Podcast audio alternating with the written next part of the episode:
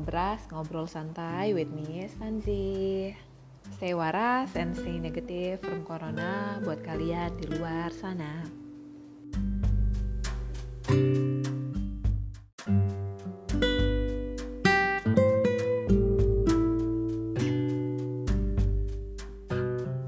Episode kali ini sebelum kita lari ke bahasan izinkan saya bertanya dulu kepada kalian-kalian semua. Pernah gak sih kalian itu dalam situasi yang sebenarnya kalian sudah tahu persis jawaban dari isi, isi hati kalian tuh apa? Udah tahu persis otak kalian itu jawabannya apa? Tapi saat kalian ditanya sama orang, kalian berakhir dengan menjawab sesuatu yang tidak sesuai isi hati, yang tidak sesuai dengan feeling kalian. Misalnya gini, pernah gak kalian itu dalam situasi tertentu di mana teman kalian ngajak kalian melakukan sesuatu yang sebenarnya kalian tidak ingin terlibat? Misalnya ngajak kalian untuk buka bersama atau ikut ulang tahun atau ngadain ulang tahun siapa yuk padahal kalian itu gak sempet atau gak kepengen atau gak deket-deket banget atau misalnya kalian diajak patungan untuk kado yang buat kalian terlalu mahal. Kalian juga cukup suffering uh, dompetnya. Tapi pada akhirnya kalian akan jawab oke okay deh ikut aja.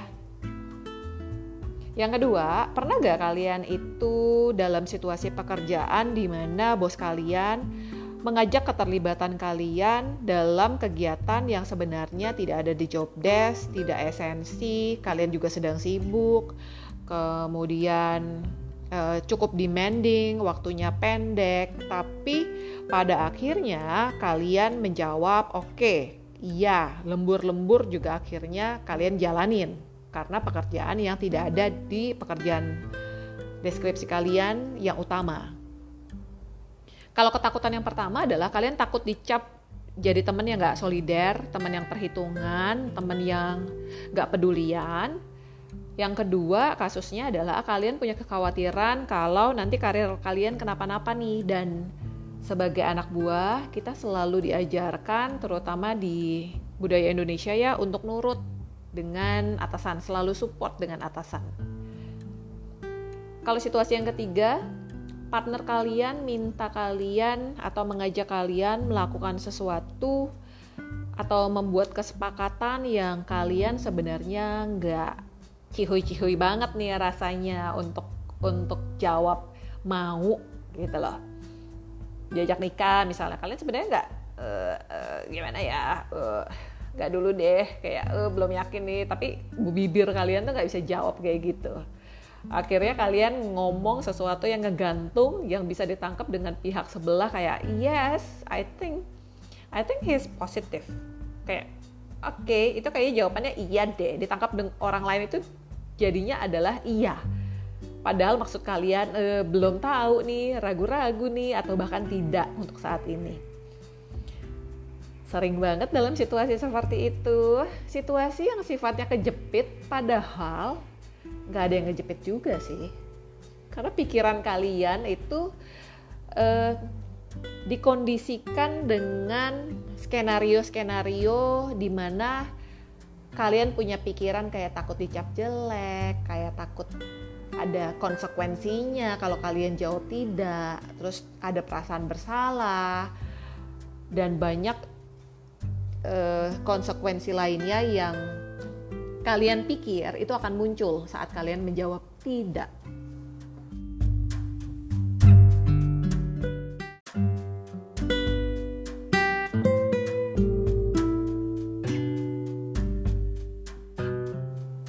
Jadi kalau misalnya kalian dalam posisi seperti itu, kalau misalnya gue rangkum, ada tiga tipe situasi di mana kalian harus mempertimbangkan untuk menjawab tidak atau no. Pertama, kalian ingin ngelakuin, tapi kalian gak punya waktu. Pengen nih terlibat, pengen nih dateng, pengen nih uh, untuk bisa bantuin, tapi jadwal kalian tuh gak memungkinkan gitu loh bisa bisa habis-habisan gitu loh untuk kalian ngatur jadwal kalau misalnya ditambah kegiatan lain. Itu yang pertama. Yang kedua, kalian itu harus mempertimbangkan situasi ini untuk menjawab tidak di mana kalian gak pengen ngelakuin dan tidak ada alternatif yang lebih baik. Jadi memang kalian gak pengen aja dan gak ada opsi lain. Pokoknya ya gak bisa deh atau kalian gak mau lah intinya gitu loh. Tapi akhirnya kalian menjawab apa? Ya udah deh. Nah kalau situasi yang ketiga kalian gak mau ngelakuin tapi kalian takut sama konsekuensinya itu yang sering terjadi sih. Jadi kalian takut dijudge kalian takut dijauhin kalian takut diomongin kalian takut ini takut itu. Biasanya berakhir dengan ya. Padahal kalau kita tahu kita nggak pengen jawabannya yang paling gampang adalah apa? Tidak. Kalian kayak gitu gak sih? Susah gak sih untuk jawab enggak ke orang ke situasi tertentu ke komunitas ke teman-teman ke keluarga sendiri jawab enggak tuh susah gak sih untuk menolak? Untuk menempatkan posisi kalian yang tidak ingin tidak merasa perlu. Karena banyak sekali orang di luar sana termasuk salah satunya Miss Tanzi alias gue sendiri yang cukup sulit ngomong tidak ke society. Karena selama ini society yang ada tempat kita dibesarkan, terutama orang timur, kita banyak tuntutan yang harus dipenuhi. Jadi role kita sebagai anak, sebagai teman, sebagai apa pun role kita jadi tuntutannya cukup tinggi ke kita sehingga kita merasa kayak aduh ada pressure nih dari luar ke kita. Sehingga susah banget untuk orang Indonesia jawab tidak. Nah, makanya kita sering banget outcome-nya apa? Kita jadi pasif agresif jadi di depan ngomongnya apa di belakang eh, gondok banget misalnya gitu. Kalian ternyata tidak setuju jadi unek-uneknya tidak bisa dikeluarkan dari depan kalian muntahinnya di belakang.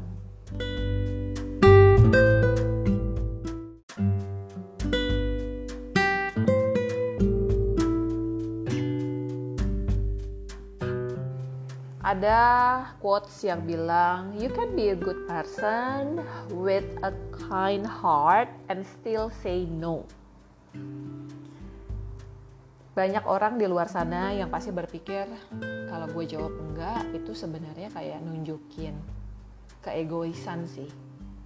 Makanya ada orang yang ngerasa bersalah kalau dia menjawab tidak. Kenapa? Karena itu menunjukkan seolah-olah menunjukkan kalau kita tuh egois.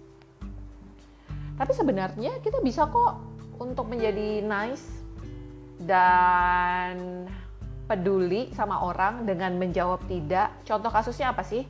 Contoh kasusnya seorang orang tua gitu ya yang ngelarang anaknya makan cookies sebelum makan malam.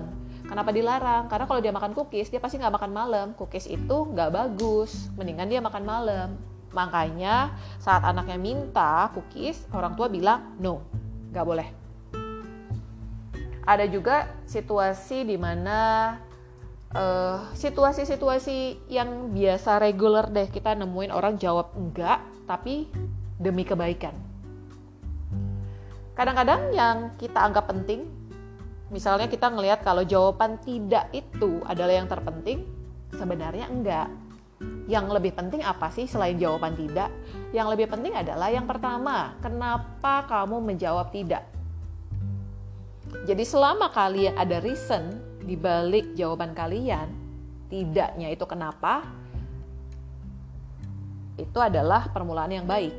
Yang kedua, kapan kalian jawab tidak? Kadang-kadang jawaban tidak itu bisa jadi panjang urusannya kalau disampaikan di waktu yang salah.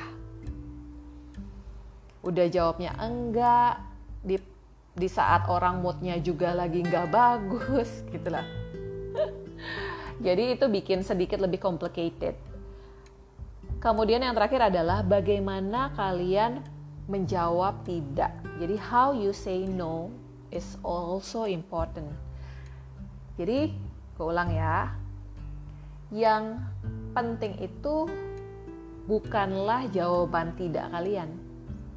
Tapi yang penting adalah Kenapa kalian jawab enggak? Kapan kalian jawab enggaknya? Momen kapannya? Yang ketiga, bagaimana sih cara kalian bilang enggak? Itu yang penting. Kenapa kalian jawab enggak? alasan orang di luar sana untuk menjawab tidak itu ada banyak. Tapi kalau salah satu alasan kalian jawab tidak hanyalah benar-benar purely for selfish reason dan iya itu kalian benar-benar being selfish. Kalian jawab enggak karena pure kalian hanya mikirin diri kalian. Pure gitu ya. Well kalau misalnya kita ngerasa kayak iya dia nanya gitu kan dia juga nggak mikirin gue dong. Dia kan juga egois. Kalau gitu kalau dia egois ya gue juga bisa egois. Gue jawab aja nggak mau. Ngerti gak jadi situasinya dia being uh, egois, kalian juga jadinya egois. Itu situasi yang nggak bijak sebenarnya. Jadi alasan kenapa kalian jawab enggak, itu kalian harus lebih considerate, harus lebih mikirin secara luas. Kalau ke depannya itu akan membawa kebaikan, some way it will benefit them, dan itu merupakan yang kalian bisa lakukan tanpa menyakiti orang lain. Dengan menjawab tidak. Dan it's a good reason untuk jawab enggak. Karena gini deh kita sendiri itu kalau dijawab enggak sama orang gimana sih? Apakah kita selalu sakit hati banget misalnya eh, kita nongkrong yuk. Enggak. Apakah kita langsung sakit hati kan enggak juga gitu loh maksudku. Kadang-kadang kita sebagai orang yang jawab enggak kita punya pikiran skenario sendiri nih tentang orang lain tentang kita bakal dijudge sama orang lain. Kadang-kadang angan-angan kita atau imajinasi kita tuh ter terlalu liar tau gak sih? Jadi kita punya pemikiran sendiri sehingga kita ah iya deh iya deh gitu loh tapi kalau misalnya kalian merasa kalian punya alasan yang kuat untuk menjawab tidak, ya udah bilang tidak, alasannya dijelaskan. Selama itu mendatangkan kebaikan, selama itu tidak egois versus egois, then you have a good reason to say no.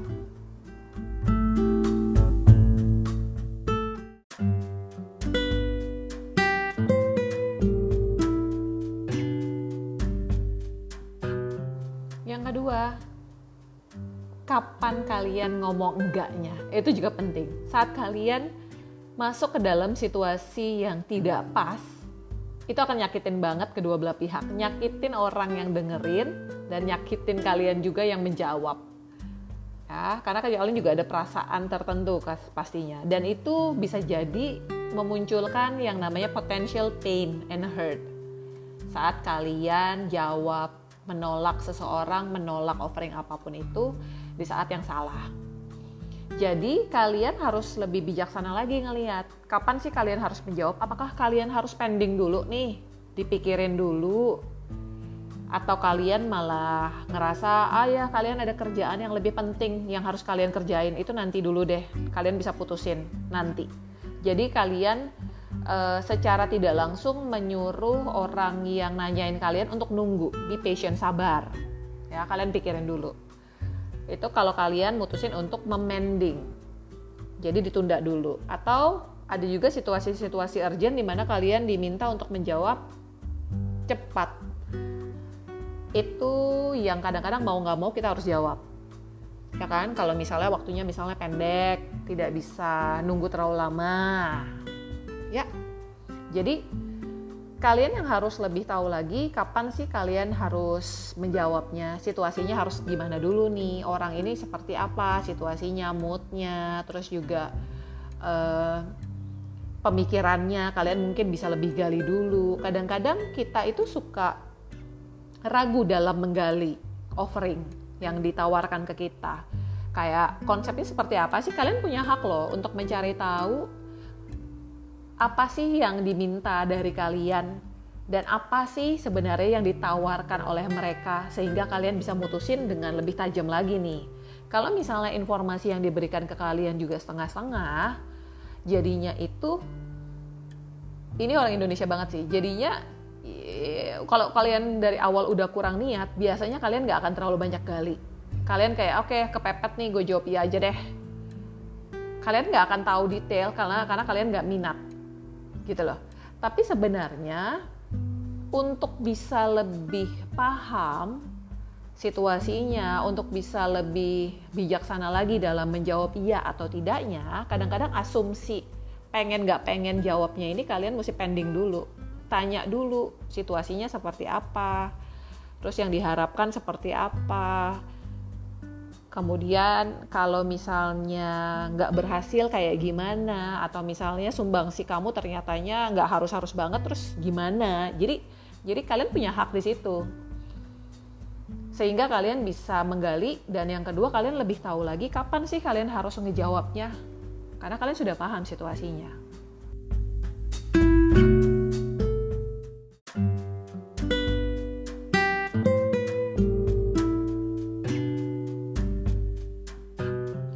Ketiga, gimana sih caranya untuk jawab enggak?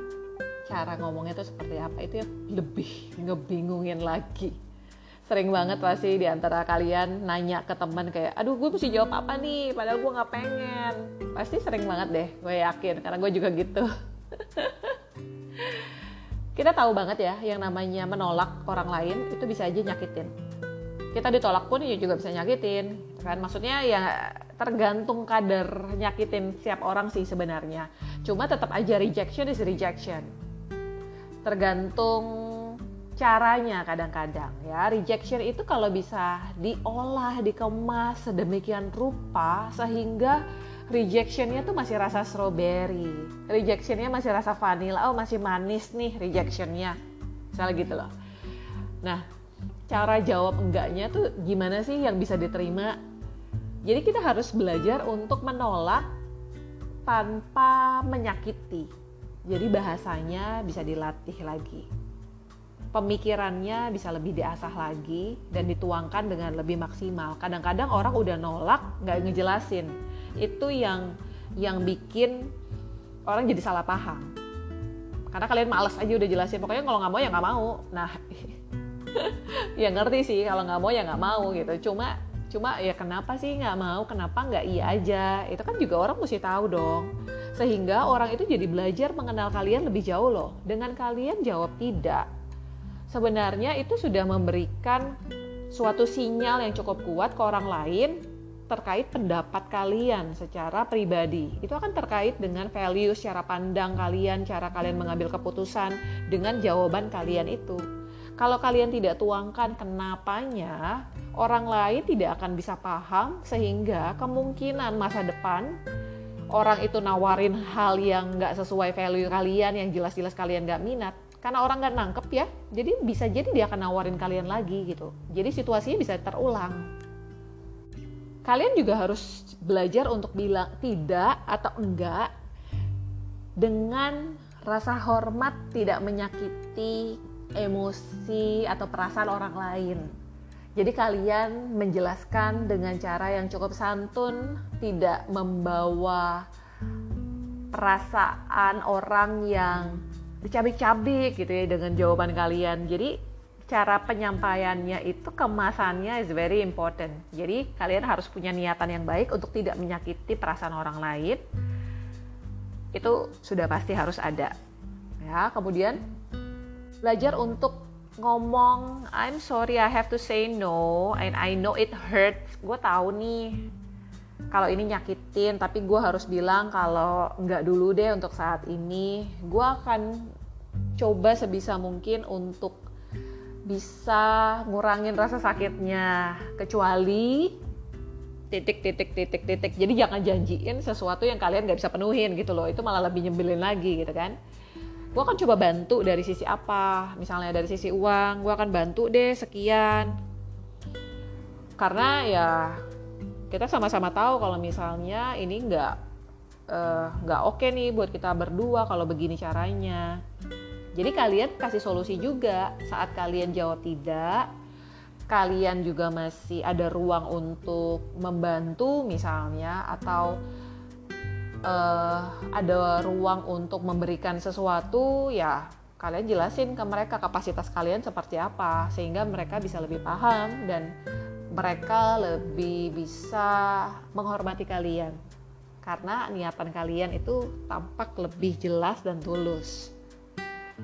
Kalau misalnya yang nanyain itu kasar gimana? Kalau dia pushy gimana? Kalau dia nggak sopan gimana? Ya udah, adjust aja cara jawab kalian. Kalian punya kok hak untuk bilang tidak ketika kalian tahu itu adalah jawaban terbaik. Jadi jangan biarkan orang itu mem memanipulasi kalian atau bahkan ngebully kalian kalau kalian jawab enggak. Ya, jadi hati-hati.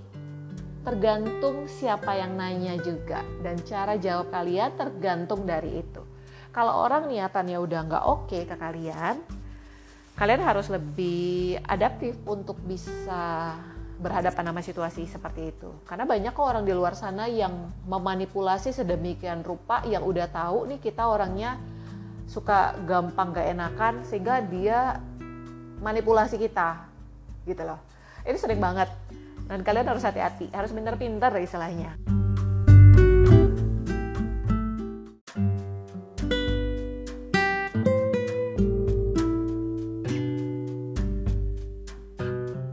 Yang paling penting untuk menjawab tidak?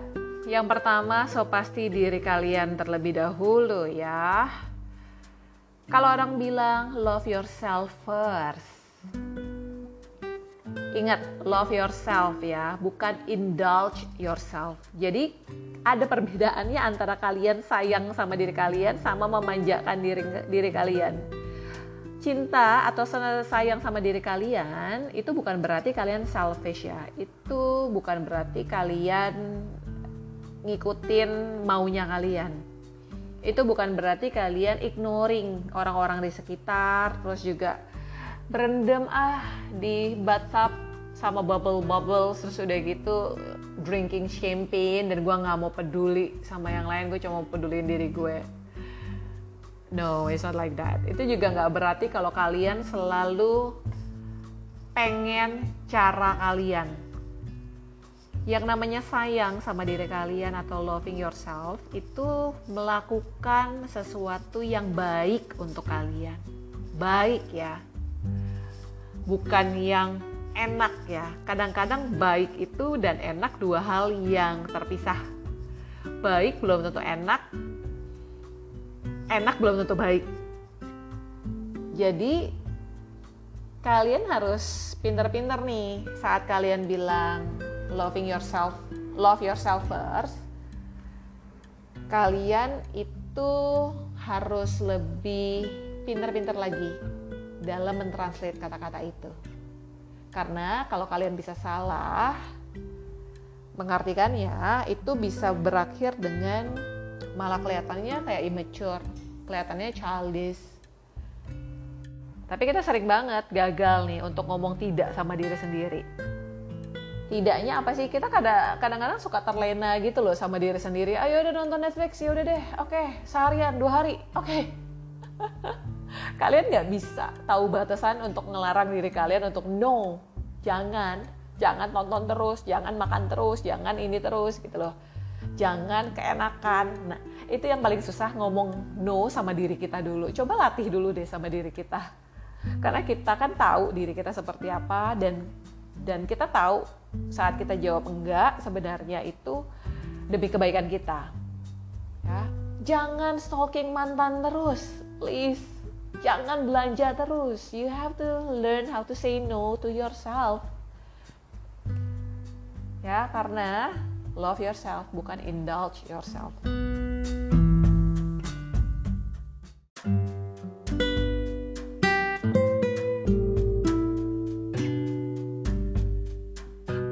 ketidakmampuan kita berkata tidak ke diri sendiri.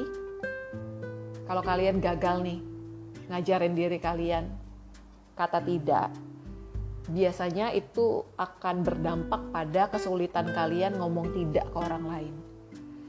Jadi kalau kalian tidak mulai dari diri sendiri, keluarnya ke orang lain pun kalian akan kesulitan. Kita itu kayak terlalu terlalu self protective sama egonya kita sendiri.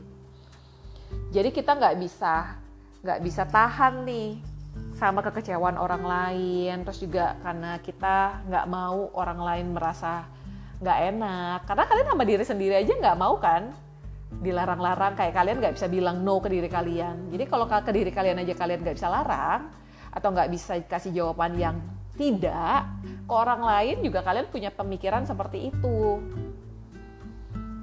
Kita nggak mau orang lain ngomong enggak ke kita. Karena kita sendiri nggak tahu cara ngomong enggak ke diri sendiri.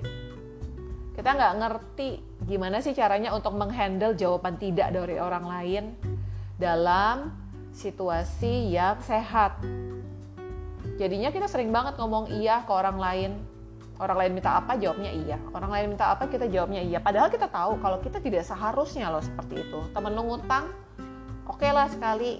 Ngutang sampai 10 kali, lama-lama kalian harus belajar untuk ngomong tidak. Pada akhirnya, itu misalnya ya, misalnya duit duit siapa kalian ngajarin apa ke orang saat kalian minjemin duit duitnya dipakai buat apa? Itu kalian berhak tahu loh. Itu hal-hal simple deh misalnya money. Orang someone borrow your money. Harus banget kalian tanya. Harus banget kalian tahu kenapa. Kalian tolak ya kenapa? Ajarin tujuan kalian tuh apa untuk nolak? Right? Banyak orang yang diutangin bingung. Aduh gue harus jawab apa nih? Pada gue nggak mau ngutangin. Misalnya ya. Kalian ketika kalian belajar bagaimana sayang sama diri sendiri tidak dengan cara memanjakan diri sendiri tapi kalian harus belajar untuk jawab enggak. Tidak ngajarin diri kalian jauh lebih disiplin. Terutama tentang hal-hal yang sifatnya tidak sehat. Karena kalian tahu dengan kalian melarang diri kalian dari hal-hal yang sifatnya tidak sehat, itu sebenarnya menciptakan healthy manners kok.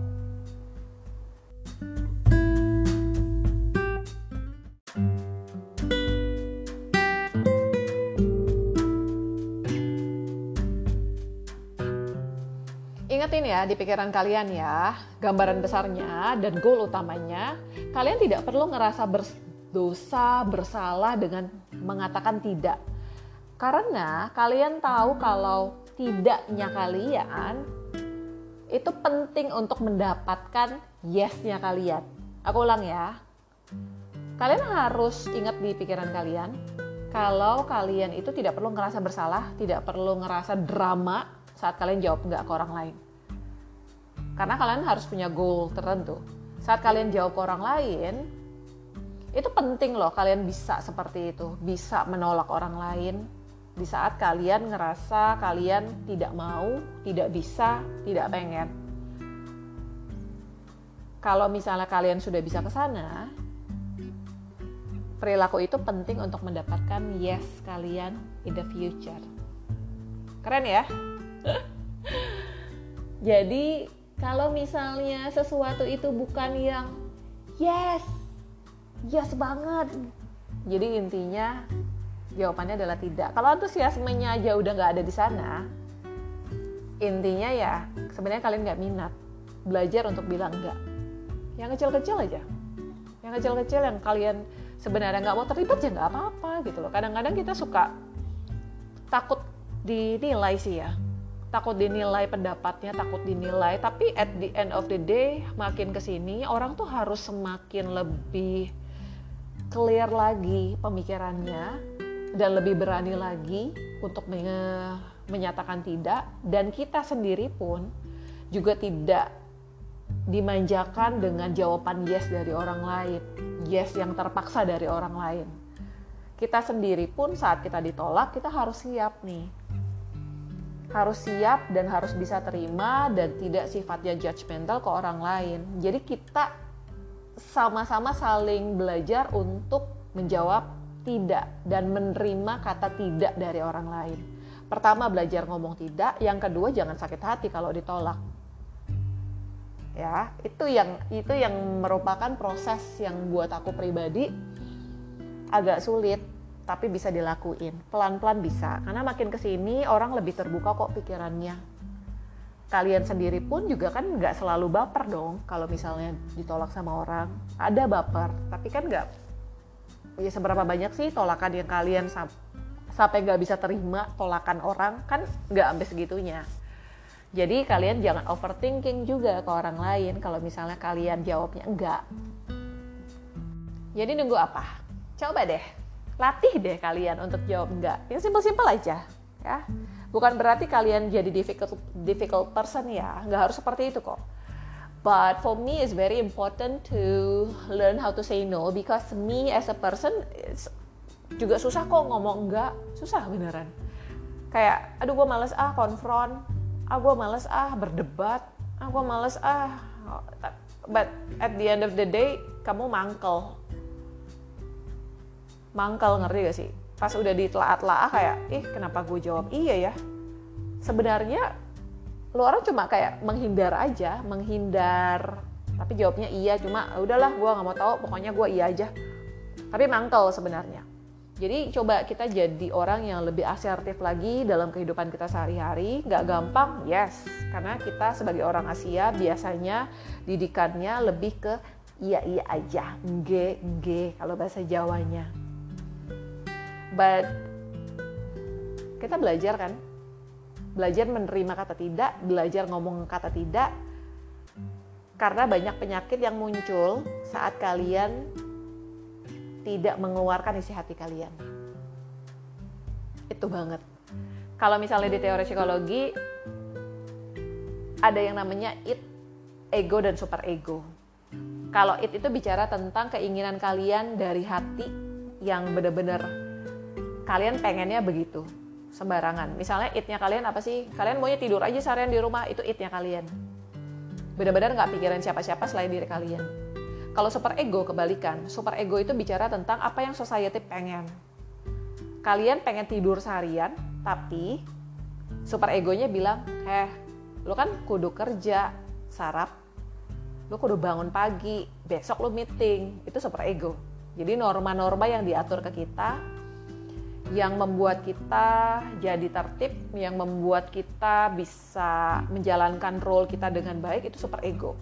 Kalau orang yang super egonya terlalu tinggi, jadinya adalah mereka malah ngikutin orang lain, ngikutin tata cara di luaran tanpa mendengarkan isi hatinya mereka sebenarnya. Jadi itnya itu ketinggalan jauh, super egonya yang ketinggian kalau misalnya orangnya sembrono banget nggak bisa diatur suka-suka dia biasanya itnya yang ketinggian bukan super egonya.